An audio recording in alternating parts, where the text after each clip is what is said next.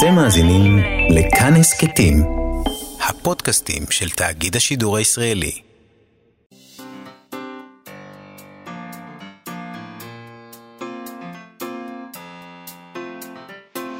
מה שכרוך עם יובל אביבי ומה יעשה לה. שלום, צהריים טובים, אנחנו מה שכרוך, מגזין הספרות היומי של כאן תרבות, אנחנו שמחים שהצטרפתם אלינו ב-104.9 ו-105.3 FM, באתר כאן וגם באפליקציה של כאן, כל הדרכים כשרות. אה, שלום לאבי שמאי ולרועי קנטן שעושים איתנו את ההפקה ואת הביצוע הטכני, ושלום לה. הם לא עושים את זה איתנו, הם עושים את ההפקה ואת הביצוע הטכני. אני מרגיש... בפני עצמם. אני מרגיש שהם איתי. זה ממש אה, העניין שלהם לעשות את זה. אני לא חושב. אני חושב שהם אה, איתנו אוקיי. בגוף ובנפש. שלום, יובל. תודה רבה לך. שלום. Uh, תשמע, זה לא סוד שאנשי שוק הספרים uh, לא פעם מתלוננים על מצבם, על העבודה הקשה שהתגמול עבורה אינו הולם, על כך שהם לא מקבלים קרדיט כראוי, uh, בעיקר האנשים האלה שלאחורי הקלעים. למשל מתרגמים, שהם מאוד מתלוננים תמיד על זה שאנחנו לא מזכירים מי נכון. תרגם. הם מתלוננים על אנשים שאלה בכלל לא קוראים, על זה שאנשים לא קוראים, על התנאים הבלתי אפשריים. השבוע הדברים האלה יקבלו ביטוי בכנס המתרגמים, שנפתח היום. Mm-hmm. בכנס יהיה מושב של איגוד אנשי הספר, שיעסוק בעולמם של מתרגמי הספרים בישראל, ו- ויכלול דוח. של האיגוד, אה, שעוסק בשוק התרגום הספרותי. נדבר על כל הדבר הזה עם יניב פרקה, שהוא מתרגם וחבר ועד איגוד אנשי הספר. נשמע ממנו, אני מניחה, מה מצבם, מה הולך, שיפור. כמה משלמים, הם מרוויחים. משלמים הרבה יותר. למה ו... הם מתלוננים? מה קורה? אוקיי, אה, בהמשך לשיחה שלנו על השלכת ספריות שלמות לרחוב אה, אתמול, אנחנו נדבר היום עם אילי גרין שלנו על מציאות שהוא מצא ברחוב. כי גם הוא, אה, אתה יודע, כן, הולך לאנשים הביתה, אה... אנחנו שומעים ממנו תמיד מה הוא מצא בבתים, אבל הוא גם אה, מוצא דברים ברחוב. בשבילו זה כמו ללכת לילד בחנות ממתקים, הדברים האלה בטח. נשאל אותו על זה. נשאל אותו. אה, אבל נתחיל עם uh, המשפט של הרווי ויינסטיין, uh, ונדבר על זה ועל האופן שבו ספרות יכולה אה, אולי להשפיע באופן דרמטי כן. על תוצאות המשפט. כן, או לפחות על איך שהוא מתנהל. מתברר שעורכי הדין של ארווי ויינשטיין ביקשו לפסול מושבעת במשפט האונס והתקיפה המינית שלו, אה, בטענה שהיא קראה ופרסמה ביקורות ברשת על ספרים שבהם מוצגים גברים מבוגרים שהם טורפים מיניים, אנסים וכ... וכיוצא באלה. אה, הם גם הביאו את אחד הספרים האלה לדיון, לדיונים, מדובר בספר My Dark Vanessa, זה ספר הביקורים של אליזבת ראסל. אה, לא זאת ועוד, המושבעת הזאת, אה, הקרויה מושבעת מספר 11, בעצמה כתבה ספר שבו יש גבר מבוגר, אלים מינית, אז הם ביקשו לפסול אותה על סמך הדברים האלה, את מושבעת מספר 11. עורך הדין של ארי ויינשטיין אמר לשופטת שמושבעת מספר 11 פרסמה ביקורת על הספר באתר ביקורת ספרים ב-29 בינואר. בביקורת הזו היא כתבה שהיא מאוד אהבה את הספר. רחמנא ליצלן. אה, עורך הדין טען שמדובר בהפרה של הוראות בית המשפט, לא לצרוך שום מדיה שקשורה למשפט. נכון. הספר הזה, My Dark Vanessa, הוא על אישה שעושה חשבון נפש אה, אודות המערכת יחסים מינית שהייתה להם המורה שלה לאנגלית כשהיא הייתה בת 15, והיא נזכרת ביחסים האלה כשתלמידה אחרת של המורה הזה יוצאת נגדו בהאשמות על התנהגות לא נאותה. התנהגות לא נאותה זה הדרך של האמריקאים אה, להגיד כל מיני דברים נוראיים. לא יפים, כמו אונס. התנהגות לא נאותה, אונס. כן. אז תמיד הם מכסים את זה בזה. אוקיי. באתר הביקורות הזה אה, כתבה מושבעת מספר 11, שהיא קוראת את הספר, אה, חוץ מאלה, היא קוראת גם את ההסכמה. של ונסה ספרינגורה הצרפתייה, דיברנו על הספר הזה, כן. על הספר שבו זה מין הממואר שלה, על היחסים שלה עם הסופר הפדופיל גבריאל מצנף. כן. Uh, התובע של uh, הרווי ויינסטיין טען שההגנה מנסה ברגע האחרון לפסול מושבעת שהם מראש לא רצו, uh, והשופט ביקש בעקבות כל העניין הזה לראות את המושבעת ולשאול אותה כמה שאלות. הוא שאל אותה על הביקורות שהיא כתבה באתר. Uh, על הספרים האלה, שעסקו בניצול ילדים וזקנים, אנסים, אני קוראת לזה זקנים אנסים, uh, אנשים, הם, הם, הם, הם, הם כותבים שם גבר מבוגר, כאילו, מתאר את הפרופיל של הרווי ויינסטיין בעצם, אוקיי? אה, למרות שזה מדובר כאן בפרוזה כמובן, כן? אה, היא ענתה שהיא פרסמה פוסט על ההסכמה הצרפתי, אבל שהיא עוד לא קראה את הספר בכלל, רק כתבה על זה משהו. בסופו של דבר, אה, השופט קבע שהיא סתם קוראת ספר, ודחה את הבקשה שלהם לפסול אותה. אם הם היו פוסלים אותה, זה היה משנה את ההרכב של המושבעים, והיה גורם לכך אה, שיהיו בצוות הזה של המושבעים רק ארבע נשים ושמונה גברים. אה, השופט גם הורה לצוות ההגנה של ויינסטיין להפסיק לדבר עם התקשורת והציבור עד שיהיה פסק דין, וזה בעקבות מאמר דעה.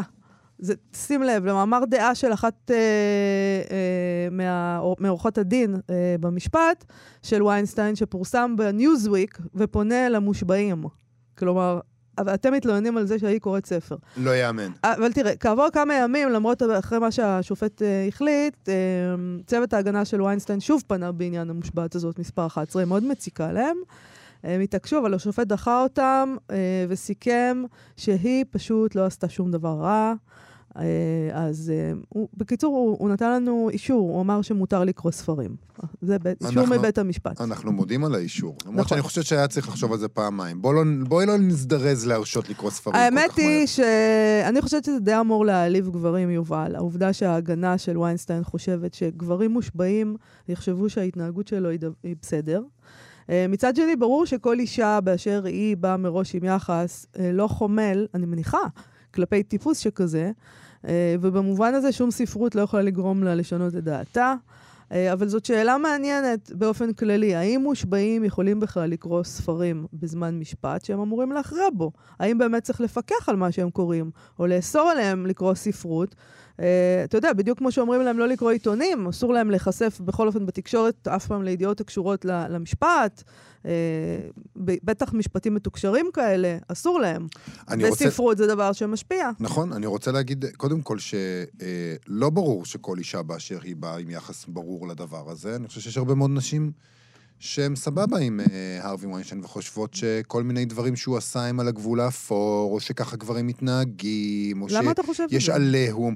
כי, uh, כי יש נשים שמדברות ככה, גם ב, נגיד בתקיפות שהן קצת פחות מובהקות, יש כל מיני נשים שאומרות, אה, אה, שמחזיקות בעמדות שמרניות למדי לגבי מה שמותר לגברים לעשות. אז אני לא חושב שזה ברור מאליו, אני חושב שזה כן ברור מאליו שספרות אה, יכולה מאוד להשפיע על השקפת העולם של אנשים על דברים כאלה. אה, ובהחלט, בהחלט, עכשיו, כשיש הרבה מאוד ספרות שעוסקת אה, אה, במיניות, וב, ובחשיפה של דברים כאלה במסגרת אה, תנועת המיטו, וכל העיסוק בדבר הזה נעשה מאוד מאוד בולט גם בתחום הפרוזה, גם בתחום הממוארים וכולי, בטוח שיש לזה השפעה על נשים. אה, האם צריך להרשות להן או לא להרשות להן לקרוא את זה כאשר הן גם במקרה מושבעות במשפט אה, שזה תחום העיסוק שלו? אני חושב ש... באמת, אני חושב שהשאלה הזאת גדולה עליי. אני לא מבין את המורכבויות של הדבר הזה בכלל, כאילו, איך אפשר לשלוט בזה? אומרים להם לא לצרוך עיתונים. מה, הם לא שומעים, הם לא יודעים, הם לא קוראים דברים בעיתונות? כל תקופת המשפט זה יכול לקחת שנים הדבר הזה. מה, איך, איך שולטים בזה בכלל? מה מרשים להם למושבעים? כל השיטה הזאת היא לא ברורה לי. כן, שיטת המושבעים היא שיטה אה, שתמיד חשבתי עליה, שיטה נוראית, אבל זה רק בגלל שבמשך המון המון שנים, עד בערך לא מזמן, אפילו שאני אדם ממש קשיש, חשבתי ששופט זה מין אדם כזה, שופט. ואז גיליתי, אה, עם כל אה, פרשות אפי נווה, ששופטים, לפעמים, לא תמיד, חלקם נהדרים, אבל הם, זה גם לא חייב להיות להיט. אז אני לא יודעת. אה, בהקשר הזה צריך לומר... זה מחזיר אותי רק לקדוש ברוך הוא, שהוא השופט העליון, אין לי מה להגיד. אני חושב שזה רלוונטי לאור העניין שאנחנו מדברים עליו, להזכיר שבתקופות ארוכות מאוד בהיסטוריה, שופטים היו גברים לבנים. אז... ארוכות מאוד בהיסטוריה. עד איזה היום. מזל שזה השתנה כל כך. נכון. והיום הם כולם שופטות שחורות. אז אולי, אולי, אה, זהו, אולי נשים צריכות להגיד שלפני, אה, אם אנחנו לא מצליחים לשנות את האופן שבו ממנים שופטים ועושים שם גיוון יותר גדול, אז אה, המושבעים זה רעיון דווקא לא רע. כן, אבל הנה, אתה רואה, הם יכולים לפסול מושבעים אה, על סמך דברים כאלה, כדי שלא יהיו נשים במושבעים. כל זה, העניין זה, הזה. הכל מאוד מאוד מסובך הכל בעולם. הכל מאוד מסובך. ולכן אנחנו נסתפק בלשמוע את ריאנה. בהחלט.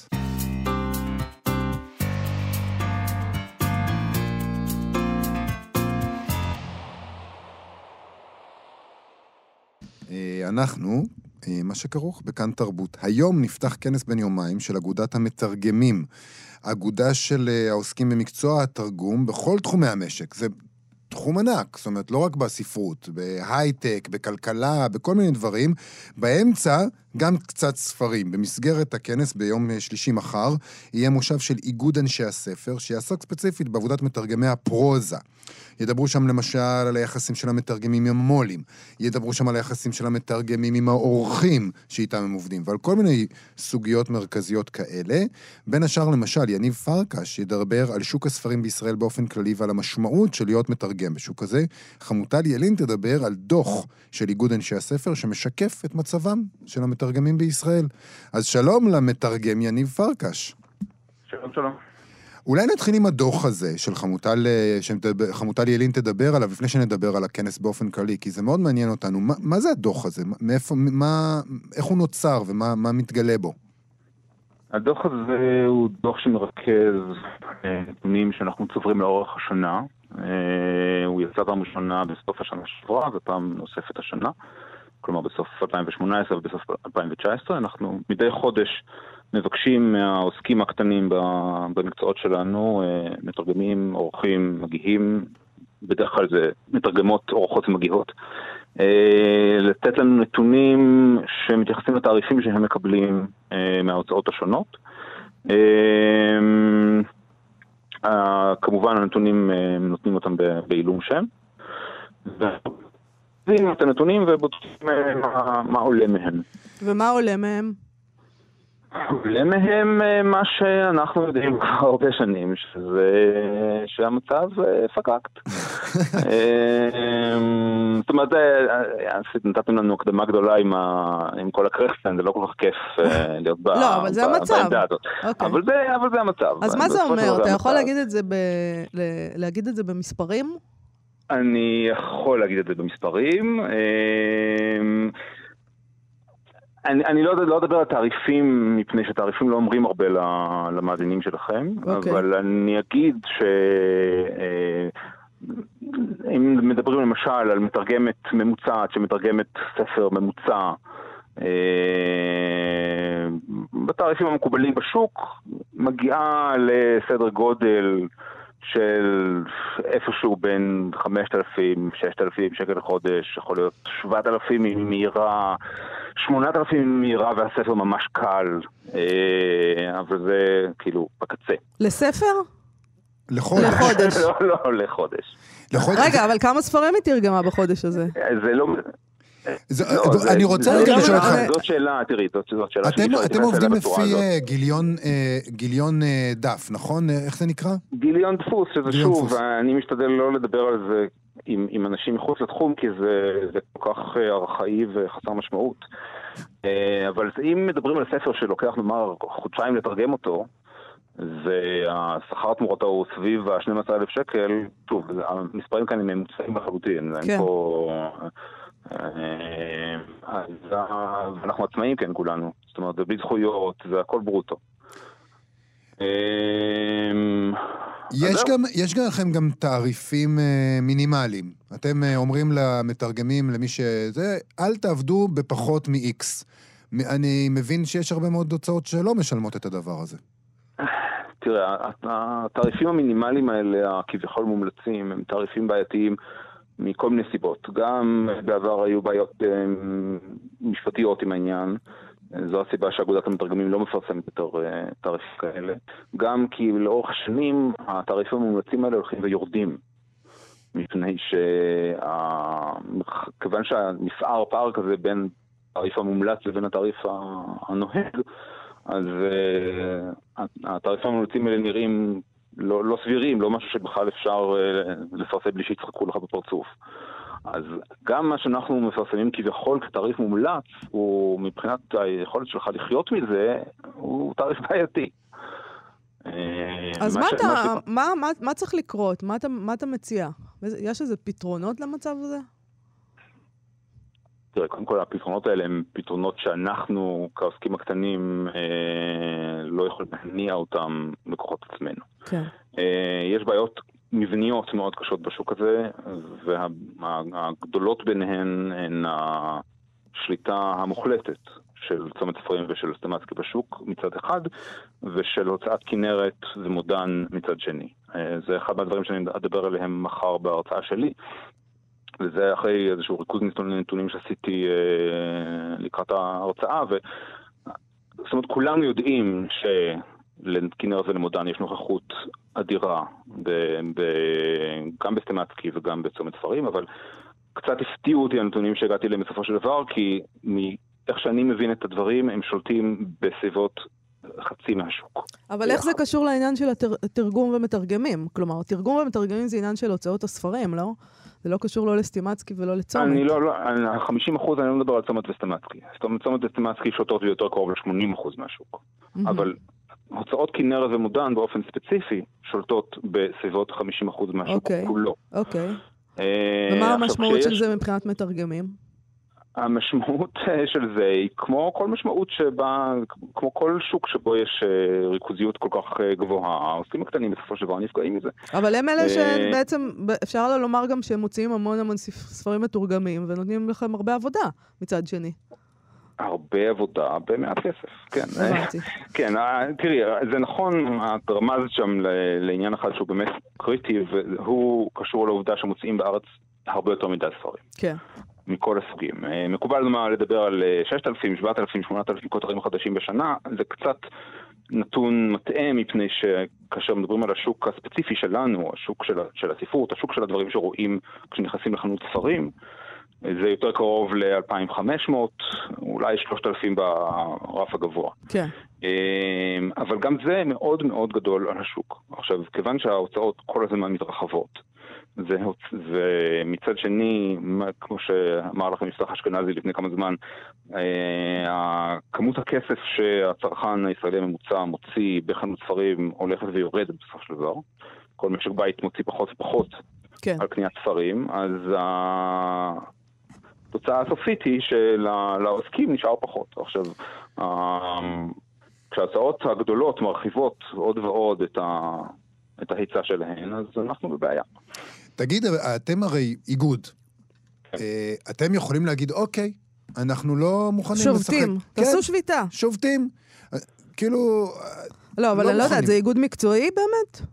זה לא איגוד מקצועי במובן אה, שכפי הגדרתו בחוק לדעתי. אוקיי. זו, זו עמותה, אנחנו כולנו עצמאים. אנחנו לא קשורים בשום קשר של שכירות. רגע, אתה... את, אני רוצה להבין משהו. אה, כן. משלמים לכם גם שוטף פלוס 120 נוסף לכל הצהרות? אז זה כבר לא 120, זה יותר קרוב ל-90, 70, 60. אני אוהבת את זה שמשלמים כאילו אתה ספק. אבל כאילו. כן, וזה בטח ממועד השלמת העבודה. זאת אומרת, אתה עובד שלושה חודשים על ספר, ואז אחרי עוד שלושה חודשים אתה מקבל עליו את הכסף? זה מה שאני מבין? ברוב המקרים זה נכון, אנחנו מנסים, אני מנסה אה, להנהיג משהו שיהיה קצת יותר סביר, שזה אומר תשלומים תוך כדי, אה, תוך כדי העבודה. כן. אה, כך שהתשלומים ישתלמו חודשית נאמר. אה, הנוהג הזה של, של השוטף פלוס בכלל אה, מופרך. דווקא בעניין הזה ההוצאות הגדולות עוד יחסית, יחסית. אה, סבירות, וגם משל... משלמות בפועל עם, ה... עם חלק מההוצאות הקטנות, וזה...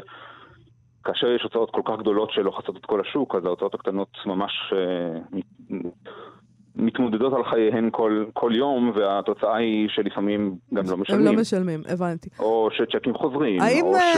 האם כתוצאה מהמצב הזה, שיש בעצם המון המון ספרים, משלמים, יוצאים המון ספרים, משלמים פחות ופחות, תנאי תשלום נוראים, האם זה גם אומר שהשוק מוצף בהמון מתרגמים אה, חדשים, אה, אולי סטודנטים כאלה, שהתרגומים שלהם גם לא כאלה מוצלחים? אני לא יודע להגיד לך את זה מקריאה. זאת אומרת, זה לא משהו ש... אני לא יודע, אני גם לא אגיד את זה. אה, אוקיי, אז אני אגיד את לא, זה. מה אתה משער? זה מובן מאליו, זה מובן מאליו, כמו בכל שוק, שבו כשאתה משלם מעט מאוד לבעלי מקצוע, במיוחד בעלי מקצוע כמו שאנחנו אמורים להיות, כמו שאנחנו אמורים להיות באופן אידיאלי, שזה אנשים עם אה, איזשהו אה, רוחב ידיעה והבנה והשכלה ו... וכל מה שאתה מצפה ש... שיהיה אצל אדם שמתווך לך אה, יצירות ספרות, יצירות תרבות.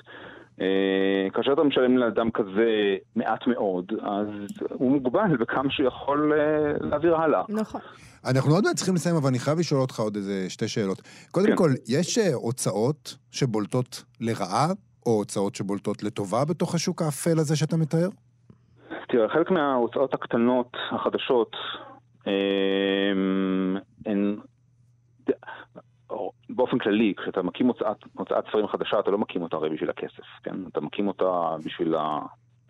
בשביל הרוח, הספר והאידיאלים והרוח וזה, ורוב האנשים האלה הן כוונות אה, טובות. אמ, ובעניין הזה אתה רואה כל מיני הוצאות אה, קטנות חדשות שקמו בשנים האחרונות, או קצת לפני זה, ש... אה, שמתנהגות יפה אל האורחים והמתרגמים שלהן. גם שם, אבל אה, מבחינת התנאים, התנאים הסופיים ש, שאנחנו עובדים בהם, לא, זה לא משהו ש... בסופו של דבר נתון לרצון הטוב שלהם עד הסוף. זאת אומרת, יש להם מגבלות כלכליות, אובייקטיביות. אה, אני לא, אני לא רוצה לציין פה שמות, לא לטובה, לא לרעה, זה לא המקום בעיניי. אה, אז אולי... אבל נס... הבעיות, המב... כן. הבעיות המבניות בשוק הן בעיות ש... שמקשות גם על בעלי הרצון הכי טוב לעשות הרבה יותר. אז אולי נסיים עם העניין הזה שאתם אה, חלק מתוך כנס מתרגמים גדול.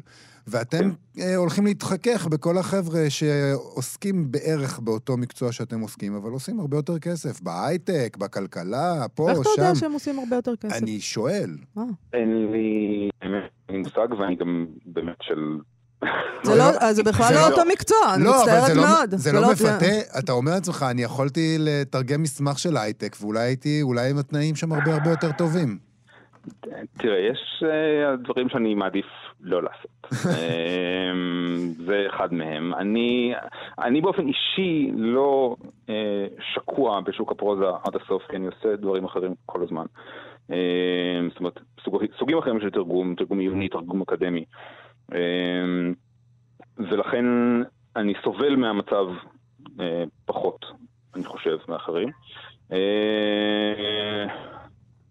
מבחינת מתרגמים אחרים, בתחומים אחרים לגמרי, הייטק, משפט, זה דברים שאני לא, לא הייתי מתקרב אליהם באופן אישי. אני גם לא, עד עכשיו שמעתי uh, שתרגום בהייטק זה פשוט איזה סטארט-אפ מטורף, שאנשים עושים בו מיליונים, יובל. אז uh, לא, לא רואה שזה יותר מעניין מלתרגם את uh, ריי בודי.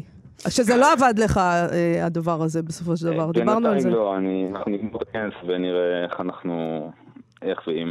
יפה. יניב פרקש, אה, כנס המתרגמים מתקיים היום ומחר, ומחר יהיה את, אה, את המושב שלכם, איגוד אנשי הספר. אה, תודה רבה לך על השיחה הזאת. תודה רבה לכם. להתראות. ביי ביי.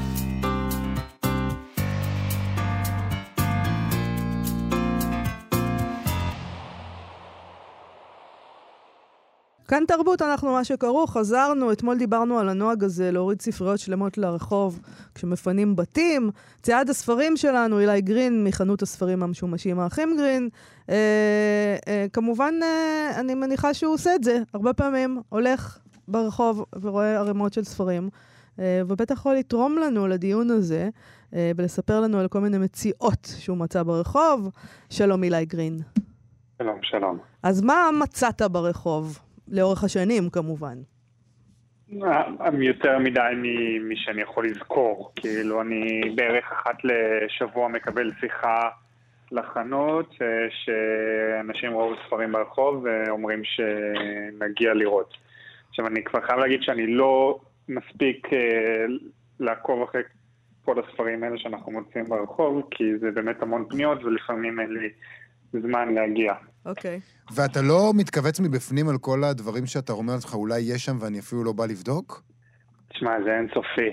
זה, זה באמת בלתי, בלתי אפשרי להגיע לכל הקריאות האלה.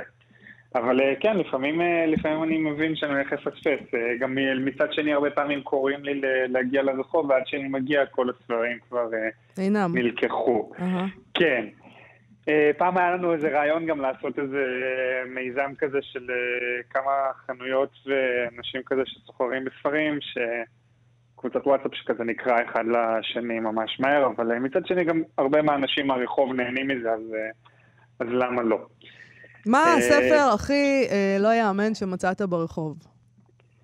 אני חושב שהדבר הכי, זה סט של כל כתבי בן גוריון, חתום על ידי בן גוריון. וואו. בשישה כרכים, זה, זה היה סיפור ש... זה היה בבבלי. אה, איזה מישהי שלקוחה בחנות אה, צלצלה אלינו, זה היה כבר לפני כמה שנים, אה, ואמרה שאיזה זוג נפטר והם משפצים את הבית שלו, וכל הספרייה שלהם כרגע נמצאת בפחים הכחולים. לפחות השיפוצניקים אה, הכניסו את זה למחזור. כן. ואני ממש זכ... נכנסתי לתוך הפח, ממש קפצתי פנימה והוצאתי והיו שם אה, סט של כל אה, כתבי בן גוריון עם, עם הקדשה שלו, שזה ממש נחמד, זה תגמול שווה. שאת, כמה- אגב, הקדשה, אתה זוכר למי? מי זה היה הזוג הזה? היא הייתה מורה לתנ"ך, אני כבר לא זוכר לצערי את השם שלה, אבל היא הייתה מורה לתנ"ך, אה, וההקדשה הייתה לה, וזה היה ממש חמוד כזה, תמשיכי לחנך את אה, דורות התלמידים הרבים. וכמה נגיד סט כזה חדש. שווה? לא, לא טועה, מכרתי אותו באזור ה-1500 שקל. לא רע, אני. שווה להיכנס לפח זבל בשביל זה. אתם צריכים להבין את הקונספט, זה כאילו, אנשים מוצאים ספרים, ובשביל אנשים שמרוויחים כסף מספרים זה כמו למצוא שטר כסף ברחוב. זה ממש, זה ממש כאילו, אני, אני יכול להגיד בדיוק, הרמתי כמה ספרים, אני יכול להגיד בדיוק כמה, כמה כסף, כסף זה. שווה. כן, זה, זה הקונספט, זה ממש נחמד. אמ, אני, אני, השאלה היא, אמ, בעיקר אני לא יודע למה, נגיד, אוקיי, אנשים זורקים ספרים לרחוב, אני מבין שזה עשרה ספרים, אבל כשיש ספרייה שלמה, אנחנו מדברים על זה בעקבות, אה, אה, יובל שלח לי לפני אה, שבוע, אה, אה, כזה אה, פוסט בפייסבוק נכון. שקיבלתי מעשרה אנשים שיש המון ספרים ברחוב בתל אביב. כן. עכשיו הגעתי לשם, אה, אני ועובד שלי הגענו, וכבר באמת כשהגענו כבר היו המון אנשים שחפרו בערימות ספרים ברחוב, היו שם ספרים לא רעים בכלל, אבל אני באמת לא מצליח להבין למה נגיד, ספציפית במקרה הזה זה קבלן שקיבל את הדירה, ובחר במקום לקרוא למישהו שיקנה, לזרוק הכל לתוך מכולה ברחוב. זה באמת נקודה שאני לא מצליח להבין. למה הוא לא בא, לקח את הספרים ובא אליך בעצם? למה הוא לא? קרא לי, או קרא לסוחר אחר, או קרא מהמם. למישהו שיפנה תכולת דירה, חבל, באמת, היו שם דברים באמת מעולים, זה גם היה משפחה עם ייחוס, תל אביבי, כאילו, חבל. אה, מה, מה מצאת שם? אתה יכול לגלות לנו? אה, בספרים אה, מצאתי, הדבר הכי שווה שם היה אה, שני קרחי הקפיטל של קרל מרקס. וואו, באמת שווה. כן. אוקיי. כן, לא רגע. ואתה אומר כן. בספרים, היו חפצים אחרים שהם לא ספרים שם? היו, הייתה מפה, מפה מאוד שווה של פלסטינה שבדיוק מסגרנו ולמכור אותה היא מאוד יפה, בגובה של מטר וחצי. אנשים. פשוט מטורפים, באמת, זה נורא. אני, אני המום. אז תשמע, אבל כן. אנחנו דיברנו על זה אתמול ואמרנו, אנחנו מבינים את האנשים האלה. הקבלן הזה, אין לו כוח להתעסק עם זה. מה הוא עכשיו התחיל, וזה, וזה ייקח לך זמן לבוא, ואתה תצטרך את הזמן לעבוד שם, וכולי וכולי. הוא אומר, למה אני עכשיו להתעסק עם זה? הוא גם היה עושה כסף אבל. כלומר, נכון. הזמן הזה שהיה משקיע בשני יבוא, הייתי משלם לו. זה ממש אה, פתרון קל. יש לך עוד... ויש המון קבלנים שקוראים לי גם. אה, יש כאלה שעושים את זה. יש המון קבלנים, כן, כבר שאני שנים, כל פעם שהם מקבלים דירה, שנגיד אה, יש שם איזה ספרייה, ספרייה או חפצים, או שהם שולחים לי תמונות או שאומרים לי לבוא, זה, זה לגמרי קורה. יש עוד, אה, לפני שאנחנו מסיימים, עוד איזה פריט אחד שאתה רוצה להזכיר לנו, שמצאת ככה מושלך ברחוב? אה, לי יש בבית את שרביטו של אוטוקר, זה הספר טינטין, אני חושב שאפילו דיברנו עליו פעם. שמצאת אותו ברחוב? שמצאתי אותו ברחוב, כן. זה ספר של אה, מאוד נדיר, כאילו אנשים משלמים עליו אה, מאות שקלים. מצב מושלם אצלי בבית. אנשים, תבדקו מה אתם זורקים לרחוב, פשוט תבדקו. כן, זאת אומרת, אם, אם זה שלכם. לא עניין של סנטימנטים, אה, ואין לכם סנטימנטים, אז בטח יש לכם איזה סנטימנט לכסף. ללא ספק. אז אה, תקראו לנו. תקראו לחבר'ה האלה. אילי גרין, אה, מחנות הספרים המשומשים, האחים גרין, תודה רבה לך שדיברת איתנו. תודה לכם. להתראות.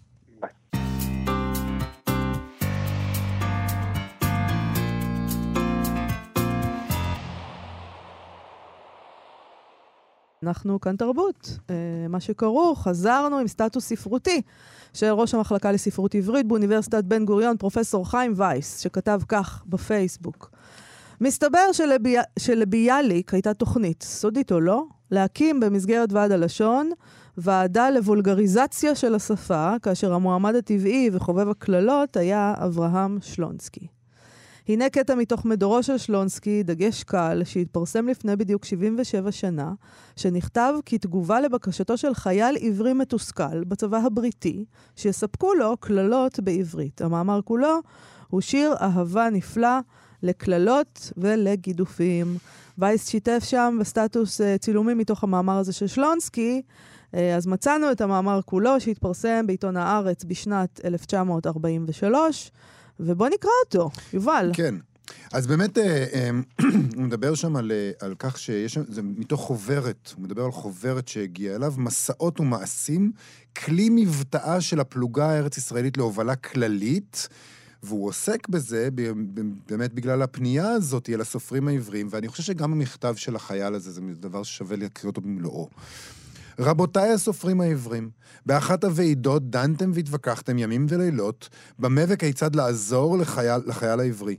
אנא, תעשו עמנו חסד גדול, אהבו לנו מילון, ולא מילון סתם, מילון בחסד עליון, מילון הקללות בעברית.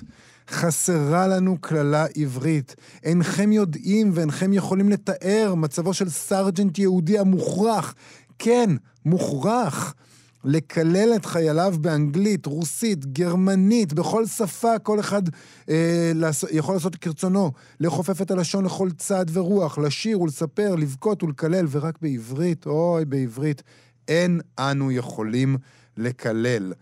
לפני הקמת גדודים עבריים אנחנו, וכיצד יכולים אתם לתאר גדודים עבריים שהתקיימו בלי קללה עברית? עד כאן המכתב, אנא, הוא אומר, מחכים אנו לקללה עברית.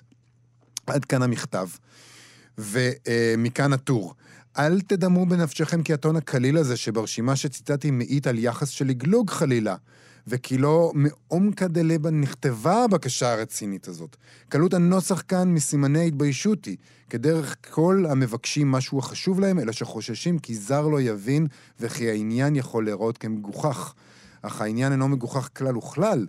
איני יודע איך אתם, קוריי החשובים, ואני, הרוצה לחיות חיים שלמים בעברית, ולא אחת בלב ואחת בפה, מבין מאוד את הקריאה הזאת. הקללה העברית. או אנחנו, מאהבי לשון הקודש, בניהם של חובבי שפת עבר, זכר תמימים לברכה, נושאי שובלה של הנסיכה האצילית הזאת, האם לא לעיתים קרובות לוהדת בנו התשוקה לראותם מתפקרת לפתע, בועטת בנטל היוחסין ומתייחפת, מתפלשת באבק חיים, ובאגרוף של חן בריונים מנפצת את הזגוגיות בבית עצמה. והרי יש עוד חסד שתאוותנו זו מתמלאת במקצת.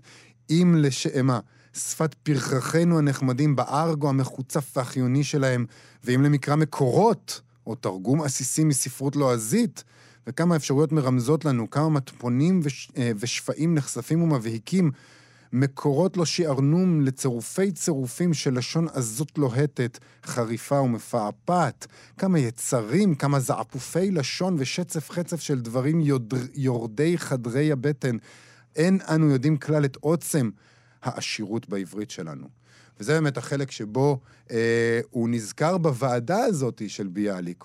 הוא אומר, נזכר אתה איך יום אחד הציע לך חיים נחמן ביאליק להצטרף לוועדה מיוחדת שעמדה להתייסד מטעם ועד הלשון, הוועדה לבולגריזציה של הלשון העברי. אגב, היכן היא? מדוע לא נתקיימה משאלה נחמדת, אקטואלית זו? אה, בפירוש זוכר הנך כי בין השאר כאחת התעודות החשובות ביותר של אותה ועדה, צוינה אז המטרה הזאת, להעלות מגנזי הלשון למין כתבי הקודש ועד האחרונים את פסוקי הגידוף, החירוף והקללה, ולהוסיף כהמה וכהמה, לברוא ניבים חדשים ברוח הלשון והעם היהודי שהוא כידוע יודע קללות, כי אין חיי עם שלמים אם את האדמה השחורה חסר, את פת הקיבר של הנפש חסרו. הרי עד היום אנו מדברים עברית ומספרים בדיחה בלועזית, ומשיחים בלשון הקודש, ומקללים ביידיש, ברוסית, בגרמנית. סימן רע הוא לנו שחיילינו, מתוך תוכם, מתוך ההוואי המיוחד שלהם, מתוך הכרח יצרי אמיתי, אינם יוצרים בעצמם את העברית הגדפנית והכלנית. אך לא, לא לחיילינו לבדם, גם לי, לסופר עברי. לא, לא סופר, אלא פלוני אלמוני, סתם עברי, בשר ודם. חסרה שפת הקללה העברית, הנמרצת, זבת השמן הטוב, חוצבת להבות האש, פשוט כדי להגיד לפעמים בדיוק את אשר עם לבבי. והרי יש, יש ויש חשק כזה לפעמים. ולקלל ולגדף דיוטה על גבי דיוטה בעברית שלי, רבת היוחסין והקונדסית כאחד, הרבה מעשים וחזיונות שמתרחשים בעולם הגדול, ובעולמנו הקטן גם יחד. הרבה מעשי כסל ותועבות, שאין שום לשון שפויה והוגנת הולמתם עוד, ויש צורך בשפת הקצף ובקצף השפה. או שמא תכריחוני בשעה אנושית זו, שעת חרון אמיתי שלי כאדם וכיהודי, לקלל ברוסית? האב היפו נצטרף בלבב שלם לזעקת בחורינו, אנשי האי שם, ויחד עמהם נדרוש. הבו לנו קללה עברית. טוב, אה, זה טקסט נפלא, אה, ללא ספק, והם היו צריכים רק לחכות קצת, כי, אתה יודע, אנחנו הסתדרנו עם זה בסוף. מצאנו קללות. זהו. למרות שאנחנו עדיין, אה, לדעתי, הקללות הנפוצות שלנו הן בערבית. בערבית. אנחנו עדיין מקללים ביידיש. ועדיין ביידיש קצת, אבל uh, כבר מצאנו את הדרך גם. תשמעי, בדיון שהתפתח שם, אצל חיים וייס כתב מישהו, אכן יש לעמול ולהכין אוספים ולקסיקונים של מיטב הקללות מספרותנו, על מנת להעשיר את אוצר הקללות של המקלל המצוי בפייסבוק, כגון אוצר הקללה לנוער, מטמוני הר הקללה, אלף קללה ועוד קללה, לכל מקלל גידוף וכיוצא באלה. כך נזכה אולי לקללות על רמה, כגון ארורים תהיו בעיר ובכפר, חומץ בן חומץ תיפח רוחך, תוקד באש על המזבח לא תיכבה, וכולי וכולי. די לקללות השגרתיות והשבלוניות. טוב, מיכל ארבל, אה, פרופסור מיכל ארבל, נכון? שציינה שם שזה לא נשמע טוב שוועדה תחבר קללות. הוועדה שהוקמה להענקת שמות לפרחי הבר יצרה כיעורים שמתאימים אולי לקללות. ארכובית שבטבתית, באמת, אה, אף פעם לא חשבתי על זה, אה, השמות של הפרחים, אה, צמחים, זה דבר נורא הרי. נורא. ארכובית שבטבתית, נץ חלב, נץ חלב זה דווקא יפה. חמוד. אה, עמיתה קיצית, בוצין גדול, בוצין גדול זה לגמרי קללה. יא בוצין גדול שכמוך. דתורה זקופת פרי, וכולי וכולי. אה, נכון, באמת, קללות לא צריכות לצאת מוועדה. אה, זה כמו שהשלטון יארגן מהפכה, נכון? זה נכון, לא גם עובד. בטור. גם בטור אה, הוא מלין על כך, על זה שמי שצריך לעשות את העבודה הקשה הזאת, העבודה באמת אה, אה, המטונפת של אה, לעשות את, ה- של להמציא את הקללות, זה חיילים וצעירים וכל מיני אנשים שנמצאים בדיוק לא, אני במקום הזה. לא חושבת שיש פה, שמדובר פה בעבודה. זה מה שנקרא סלנג. השפה היא מתפתחת באופן uh, טבעי. לא צריך פה לעבוד בזה. לא צריך לשבת ולהמציא. לא צריך שהאקדמיה ללשון, כמו שהיא מחדשת מילים וממציאה מילים, תשב ותודיע לנו איזה קללות חדשות היא המציאה. קללות זה סלנג, והוא מתפתח, והוא יתפתח יפה, והוא ימשיך להתפתח, וכבר יש לישראלים פה די מטונף, בוא נגיד. אין, אין לנו שום בעיה עם העניין הזה של אולי קללות. צריך להוריד טיפה, אולי צריך ועדה שתוריד, אה, וגם... או, אה, יובל, בכל פעם שמקימים ועדה, אה, יש אז אנחנו בבעיה. אני נכון. מציעה שלא תציע לנו להקים ועדות. אולי, אין אולי, צורך אולי בוועדות. בגלל זה הוועדה הזאת היא המקסימה עם השם הזה, ועדה לבולגריזציה של, הצפ... של השפה. לא קמה זה בסופו לא של עבד, דבר. אבל אני חושבת שאם אם זה ועדות, אה, אפשר להקים ועדות בשביל השם, ואז לא לעשות איתם כלום. נכון. ואז נשאר לנו, מה שנשאר לנו זה הרעיון של הדברים. והרעיון של הוועדה לבולגריזציה זה יפה. רעיון יפה. בהחלט. עם הרעיון היפה הזה, אנחנו נאלצים להיפרד היום. נגיד תודה לאבי שמאי ולרועי קנטן שעשו איתנו את התוכנית, ואנחנו נהיה פה שוב מחר. אתם מאזינים לכאן הסכתים, הפודקאסטים של תאגיד השידור הישראלי.